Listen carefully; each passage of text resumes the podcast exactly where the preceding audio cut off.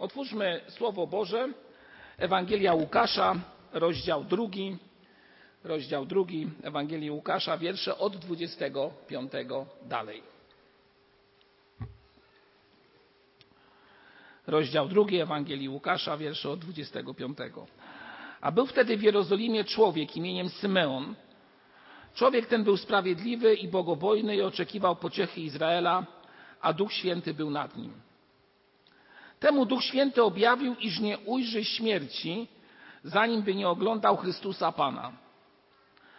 Przyszedł więc natchnienia ducha do świątyni, a gdy rodzice wnosili dziecię Jezus, by wypełnić przepisy zakonu co do niego, a on wziął je na ręce swoje i wielbił Boga, mówiąc: Teraz puszczasz sługę swego, panie, według słowa swego w pokoju. I te ważne słowa, gdyż oczy moje widziały zbawienie Twoje, które przygotowałeś przed obliczem wszystkich ludów. Światłość, która oświeci pogan i chwałę ludu Twego izraelskiego.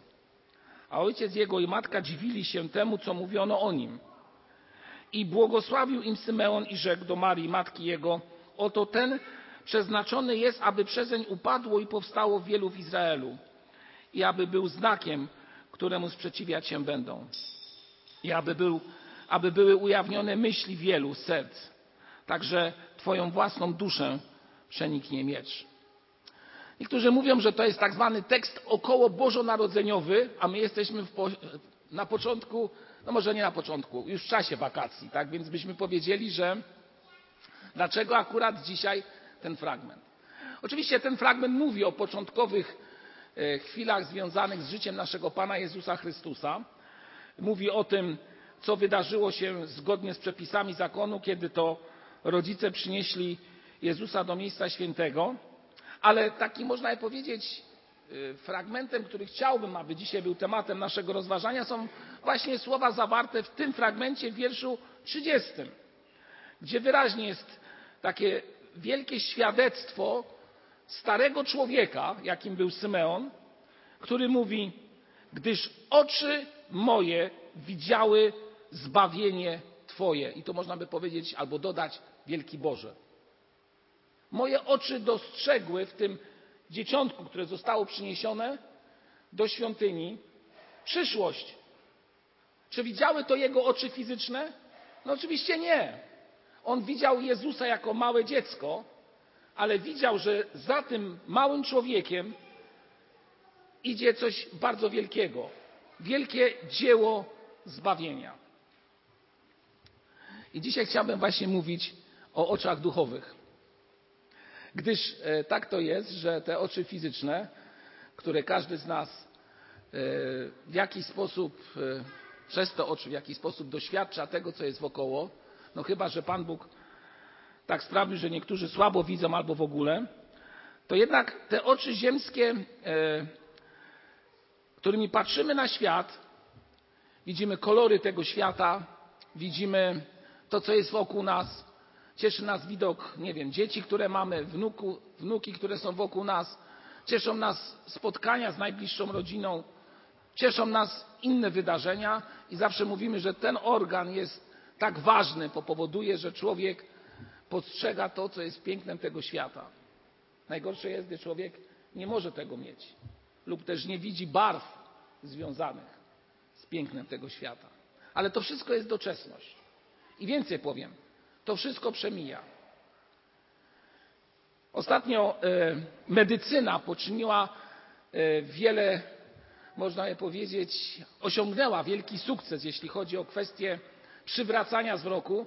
Na jednym ze spotkań brat Krzysztof Motyka właśnie o tym mówił, jak to e, wiele możemy zawdzięczać teraźniejszej medycynie, gdy człowiek, który albo praktycznie ma zamazany obraz, nagle na skutek zmiany soczewki, czy też jakichś innych spraw, które medycyna czyni, widzi.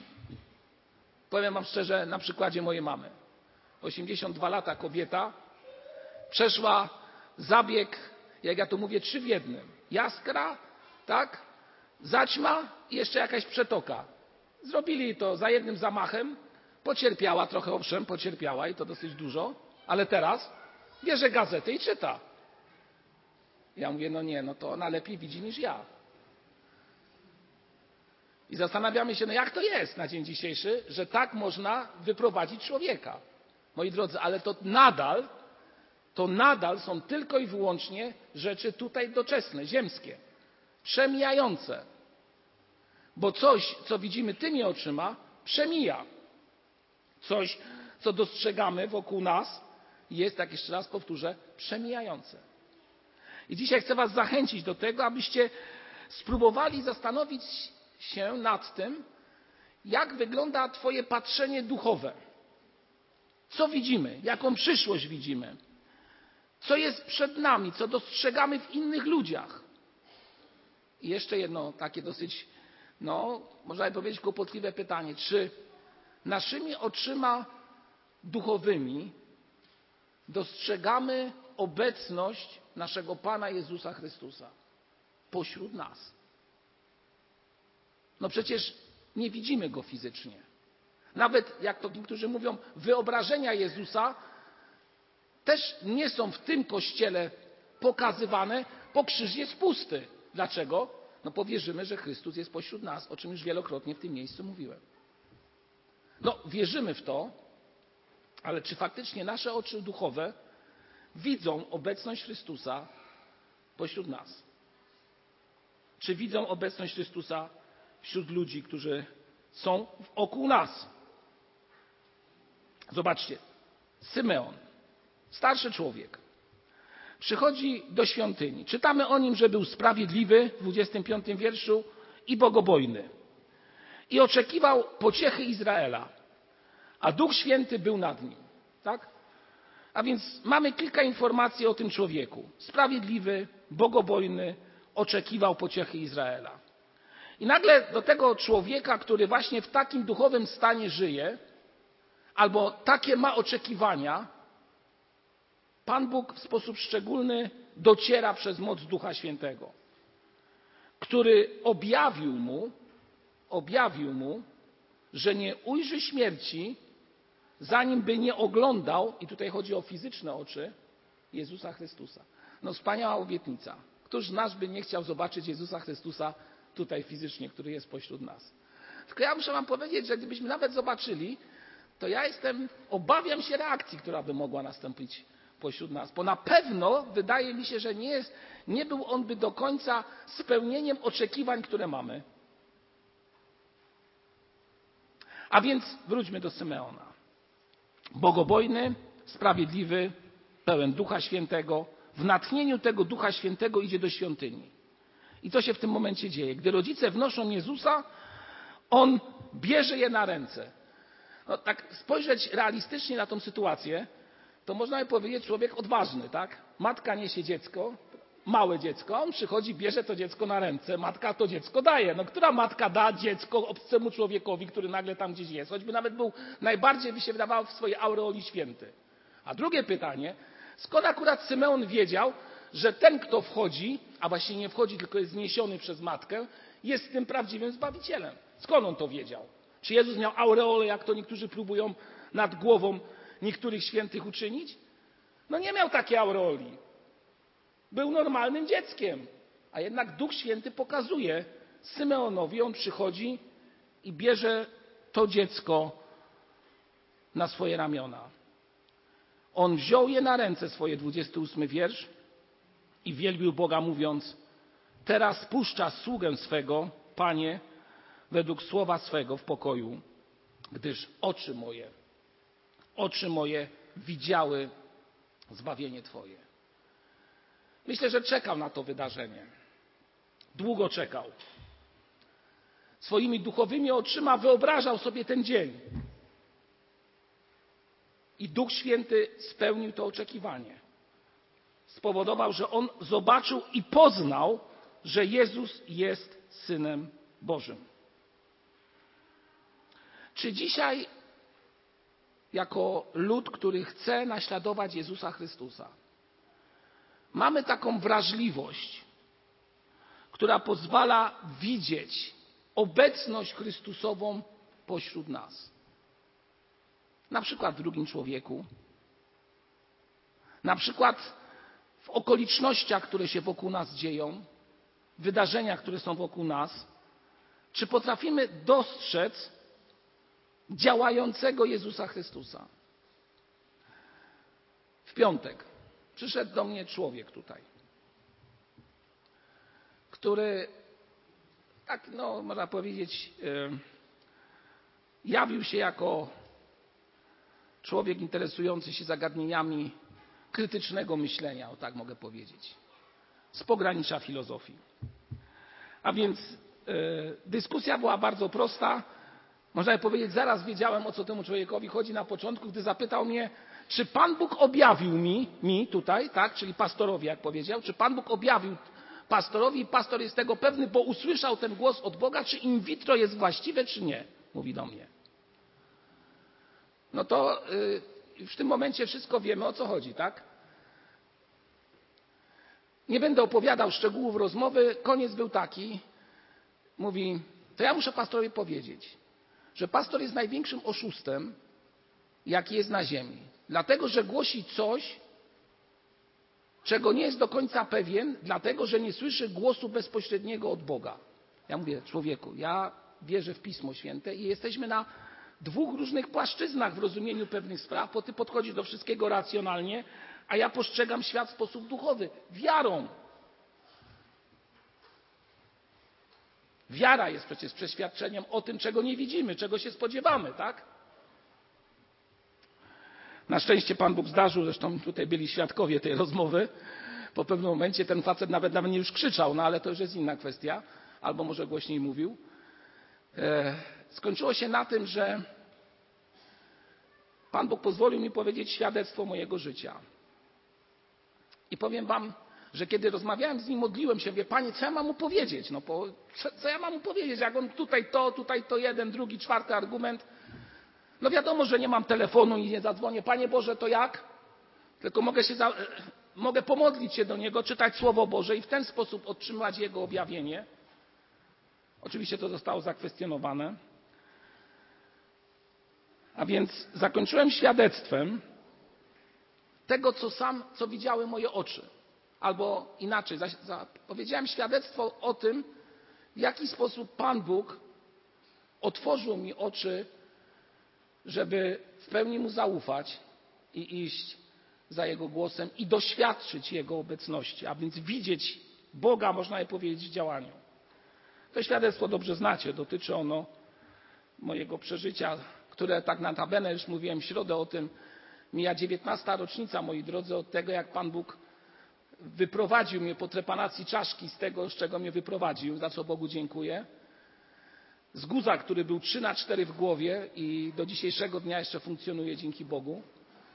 I mówię mu, że to jest właśnie to, co zobaczyły moje fizyczne oczy, ale także duchowe oczy. Dostrzegły, że Bóg w sytuacji beznadziejnej mógł stać koło ciebie i w sytuacji beznadziejnej, kiedy człowiek się boi, lęka, jest, pewny, jest niepewny tego, co przed nim, niepewny tego, co stanie się z jego rodziną i wiele lęków przychodzi, nagle w tej całej trudnej sytuacji człowiek otrzymuje pokój do serca. Ja go pytam, znaczy właściwie mówię do niego, wie pan co, może pan to w różny sposób nazywać, ale ja powiem jedną prostą rzecz. To, był, to była obecność i objawienie Boże. Bo nikt człowiekowi nie da spokoju bez leków, a byłem bez leków, żeby normalnie funkcjonować i w beznadziejnej sytuacji podejść do tego zagadnienia. I ja jestem przekonany, że w tym objawiła się moc Boża. No i rozstaliśmy się oczywiście pokojowo. Mam nadzieję, że się, znaczy mam nadzieję, nie wiem czy jeszcze chcę, ale na pewno Pan Bóg może chcieć tego, więc jestem otwarty na spotkanie z Nim ponownie. Do czego zmierzam? Zmierzam do tego, że nasze oczy mogą nie widzieć fizycznie Jezusa Chrystusa, ale nasze oczy duchowe mogą widzieć i być pewne Jego obecności przy nas. Przez odczucie Jego obecności, przez to, że widzimy Jego duchowe działanie w nas, Jego pokrzepienie, Jego prowadzenie i kierownictwo w codziennym naszym życiu. No myślę, że gdybym teraz zadał pytanie wielu z Was, czy coś takiego doświadczyliście w swoim życiu? Wierzę w to, że wielu z Was odpowiedziałoby tak tego doświadczyliśmy. Moje oczy nie widziały Chrystusa, ale moje oczy duchowe widziały Jego działanie w moim życiu, które charakteryzowało się pociechą, pokrzepieniem, prowadzeniem lub nagłym odkryciem rozwiązania sytuacji, która wydawała się beznadziejna, którą otrzymałem przez czytanie Słowa Bożego, które na przykład było napisane do zboru Filipi lub przez modlitwę. Akurat wtedy Pan Bóg zaczął konkretnie w moim życiu działać. Moi drodzy, jaki był cel życia Symeona, o którym czytaliśmy przed chwilą? Czego on oczekiwał? Ten Symeon, o którym przed chwilą przeczytaliśmy.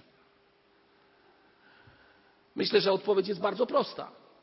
Całe życie czekał, aby zobaczyć Jezusa Chrystusa. To jego pragnienie, to jego wewnętrzne przeświadczenie, że to się stanie, faktycznie stało się jego udziałem. Pragnął tego. Pragnął tego.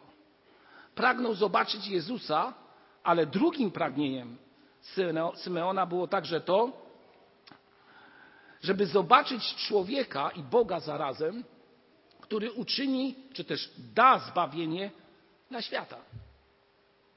A więc nie tylko prywata, o, tak fajnie zobaczyć Jezusa Chrystusa, ale zobaczyć kogoś, kto przyniesie zbawienie dla wszystkich ludzi. Nie wiem, czy zauważacie, że tu jest klucz, też tu jest istota całej sprawy. On nie tylko chciał personalnie zobaczyć, on chciał zobaczyć tego, kto da błogosławieństwo dla wielu. Zwróćcie uwagę, drobna sprawa, a jakże ważna. Ilu ludzi chciałoby dzisiaj widzieć najlepiej swoimi oczyma Chrystusa? Może niektórym zostanie to dane, bo Pan Bóg działa jak chce. Nie będę tutaj mówił, że jest tak lub inaczej. Ale nie wszyscy dostrzegą go fizycznymi oczyma. Ale na pewno każdy z Was może zobaczyć Chrystusa w sferze duchowego postrzegania rzeczywistości, w której jesteś. On może być blisko Ciebie przez relację, przez to, że jesteś bardzo, bardzo blisko Niego. I gdy, gdy jesteś blisko tego wzorca, to uświadamiasz sobie jedną podstawową rzecz. Wrócę do tego wydarzenia, które miało miejsce 19 lat temu w moim życiu. Kiedy leżałem w szpitalu, uświadamiałem sobie jedną charakterystyczną rzecz, która wcześniej nie wydawała mi się taka oczywista. Wiecie, czym ona była? Po pierwsze, to, że życie jest kruche, i po drugie to, że chociaż życie jest tak kruche, moje życie jest tak kruche, to i tak, jeżeli nawet odejdę lub nie będę w pełni świadomości mógł funkcjonować, jak mówili lekarze, bo takie założenia też postawili na tej tak zwanej wizycie przedoperacyjnej, to uświadomiłem sobie jedną rzecz, że życie i tak będzie toczyło się dalej. Ty odejdziesz, a świat będzie toczył się dalej. Tylko pytanie jest, czy w tym świecie dostrzegą ludzie obecność Jezusa Chrystusa. Ja mogę odejść. Moje oczy nie będą widziały tego, co doczesne. Świat będzie toczył się dalej. Uświadomiłem sobie jeszcze jedną rzecz. Że kiedy leżę w tym miejscu i widzę to, że wszystko przemija, że ja mogę przeminąć, a dalej wszystko się będzie toczyło, to uświadomiłem sobie jeszcze, że w obliczu tego, co czytam o doskonałości Boga, w którego wierzę, jestem osobą super, albo jak to mówią niektórzy młodzi, miałem teraz ostatnio wizytę trojga młodych dzieciaków przez ten tydzień i najczęściej powtarzanym słowem w ich ustach było słowo mega. Jak coś było dobrego, to było mega, coś pięknego. A więc uświadomiłem sobie, że moje grzechy są mega, czyli wielkie. I tak właściwie to ja nic nie znaczę. W obecności Chrystusa to ja jestem, no, człowiekiem grzesznym po prostu. I jedyne, co mogę powiedzieć, to Panie, oczyś mnie i pozwól mi funkcjonować w bliskości Twojej doskonałości, o której czytam w Piśmie Świętym, które to Pismo Święte jest dla mnie drogowskazem w życiu. To wybrałem, tego się trzymam. To tak jak moi drodzy, tak, czasami gram na pianinie.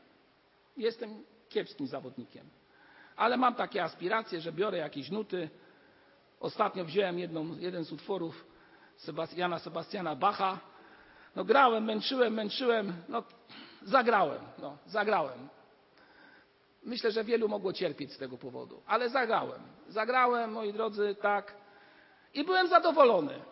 Ale moi drodzy, kiedy usłyszałem ten sam utwór w wykonaniu profesjonalisty, no to moi drodzy miałem dość. No, no to mówię, no kim ja jestem? No.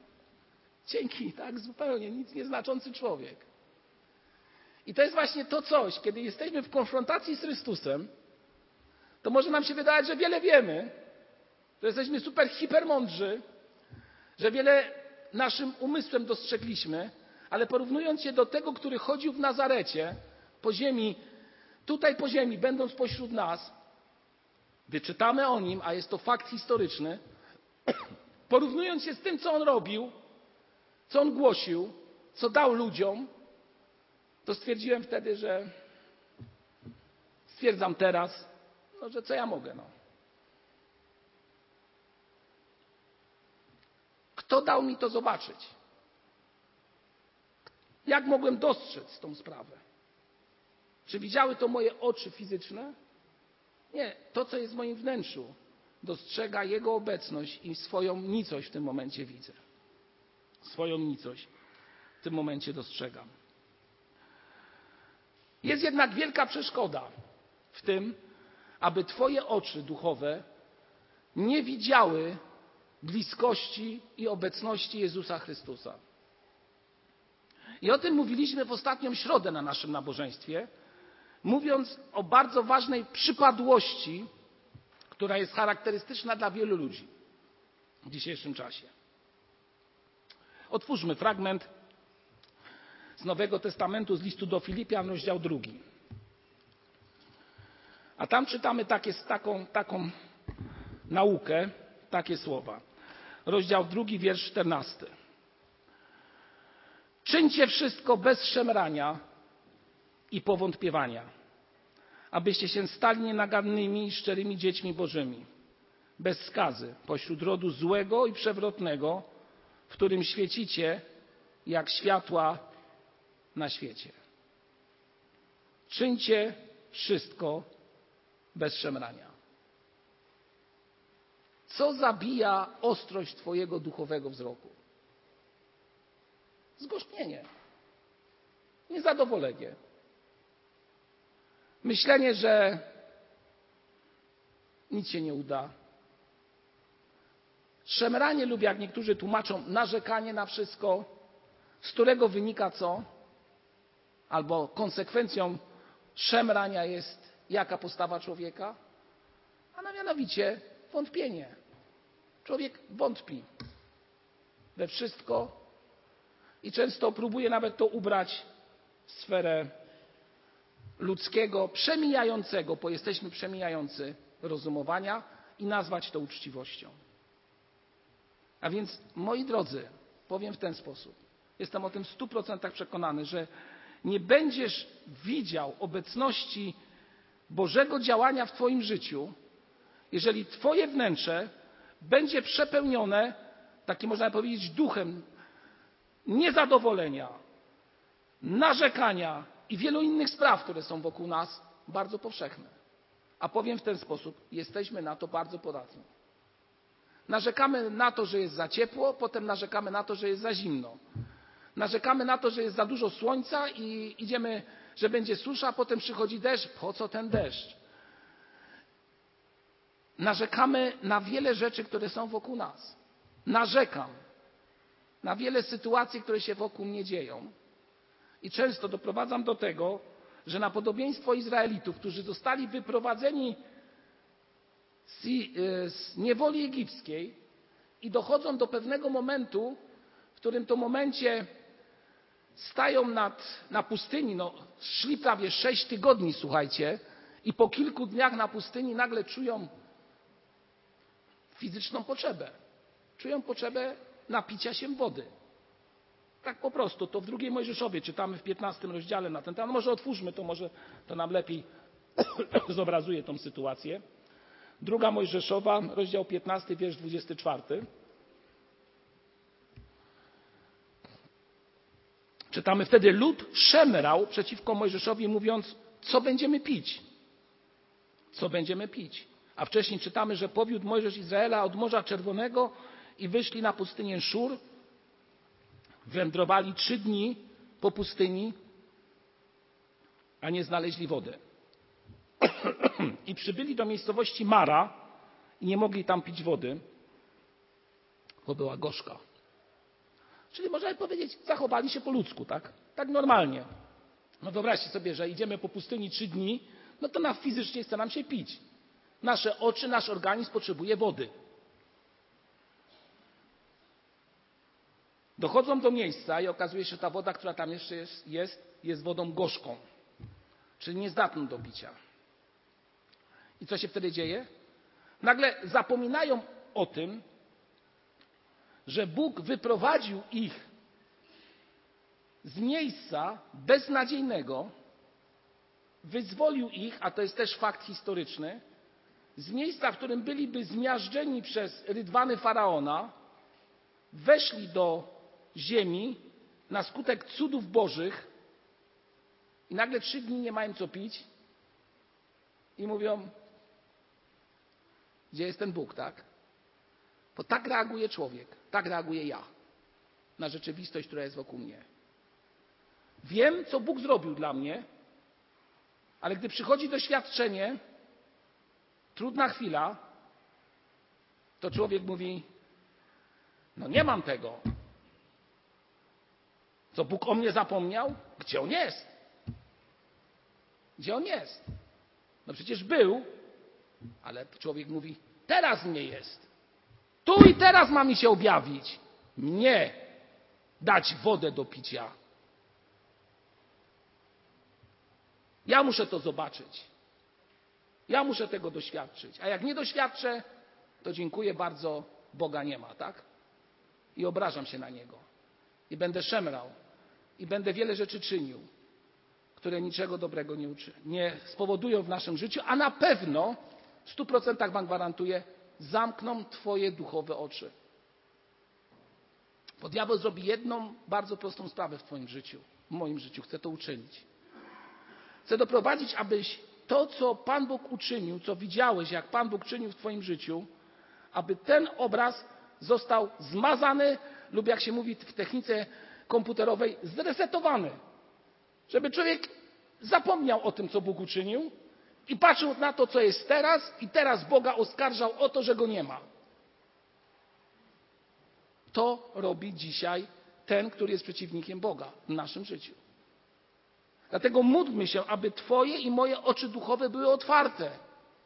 Aby mój mózg pamiętał i duchowy człowiek pamiętał o tym, co Bóg uczynił w Twoim życiu. Abyś widział dalej niż tylko to, co jest w tej chwili. I takim człowiekiem był Symeon, o którym dzisiaj czytamy. On mówiąc, oczy moje widziały zbawienie Twoje, widział doczesność, ale też widział coś znacznie dalej. On widział, że przez Jezusa Chrystusa wielu będzie błogosławionych, wielu otrzyma pocieszenie. Dostrzegły to jego oczy, ten wzrok, który jest w nas, ten wewnętrzny człowiek. Ten wewnętrzny człowiek właśnie tego doświadczył. Czytamy dalej o świetle, które tutaj jest wyszczególnione. Światłość, 32 wiersz, oświeci pogan i chwałę ludu Twego izraelskiego. Światłość oświeci pogan. Stanie się to udziałem na skutek tego, że życie Jezusa Chrystusa, które faktycznie miało miejsce, doprowadziło do tego, że wielu ludzi poznało prawdę jako prawdę objawioną przez Niego, przez Jezusa Chrystusa. A w liście do Filipian, nie wiem czy zauważyliście, że e, kolejna myśl związana z kwestią, abyśmy nie szemrali duchowo, jest taka. Abyście się stali, jeżeli nie będziecie, może inaczej, jeżeli nie będziemy szemrać, jeżeli nie będziemy narzekać na wszystko wokół nas, to mamy szansę, aby stać się dziećmi nienagannymi i szczerymi przed Bogiem, bez skazy, pośród rodu złego i przewrotnego, w którym świecie, i uwaga, jak światła, w którym świecicie jak światła na świecie. Czyli te dwa fragmenty, jak gdyby mogą nas zachęcać do tego, abyśmy otwierali swoje wnętrze do, do bycia, tak jak Jezus stał się błogosławieństwem dla Izraela, tak i my, widząc obecność Jezusa w naszym życiu, stali się błogosławieństwem dla tych, którzy są wokół nas. W języku oryginalnym słowo, które jest zapisane tutaj e, w liście do Filipian, jeszcze raz przeczytam ten fragment, bo on jest dosyć istotny e, w kontekście tego, o czym teraz mówię, a brzmi on tak. W którym świecicie jak światła w świecie. I tutaj chodzi o światło ostrzegawcze. Nie światło dające jakieś widzenie szerokie, tylko fragment, który tutaj jest przedstawiony, chodzi o to, że my mamy świecić albo być raczej jak światło, które ostrzega. Czytając komentarz do tego i patrząc w oryginał, zauważyłem, że jednak jest to delikatna różnica, bo światło może oświetlić całą powierzchnię, ale światło może być punktowe i ostrzegać przed niebezpieczeństwem. I ci, którzy żyją z Chrystusem albo dostrzegli Jezusa w Chrystusie, dostrzegli Jezusa w swoim wnętrzu i widzą Jego działanie w swoim życiu, mogą być tym światłem ostrzegawczym dla wielu w tym świecie. Tak jak Jezus stał się tym światłem, które oświeca drogę, ale też daje człowiekowi ostrzeżenie przed tym, aby nie wchodził w miejsca, które nie są akurat najlepsze dla niego. A więc podsumowując, oczy duchowe. Co dostrzegamy w naszym życiu? Po pierwsze, na co patrzysz? Albo inaczej, na co patrzyłeś w ostatnim tygodniu najczęściej?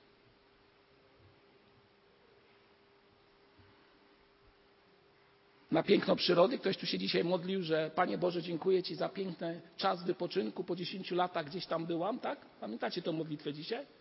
No to oczy tej osoby widziały piękno.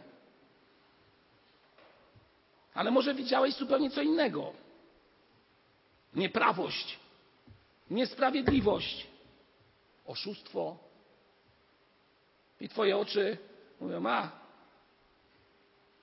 jak źle na tym świecie. A może przeżywałeś i oczami swoimi widziałeś przegraną. Przegraną decyzji, które podjąłeś i wielu innych spraw, które dotyczą Twojego życia i jesteś przygnębiony. I może jeszcze głośno nie rozmawiasz z Bogiem. Bo wiecie, niektórzy mają taką tendencję, że jak się na Boga gniewają, to ja znam takich ludzi, którzy potrafią nawet z Bogiem bardzo głośno rozmawiać. Zdarzyło się Wam to?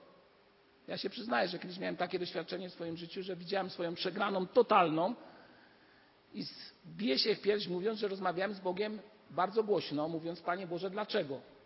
Oczywiście to jest taka tylko delikatna, delikatny obraz tego, co faktycznie było w moim życiu. Powiem tylko jedno.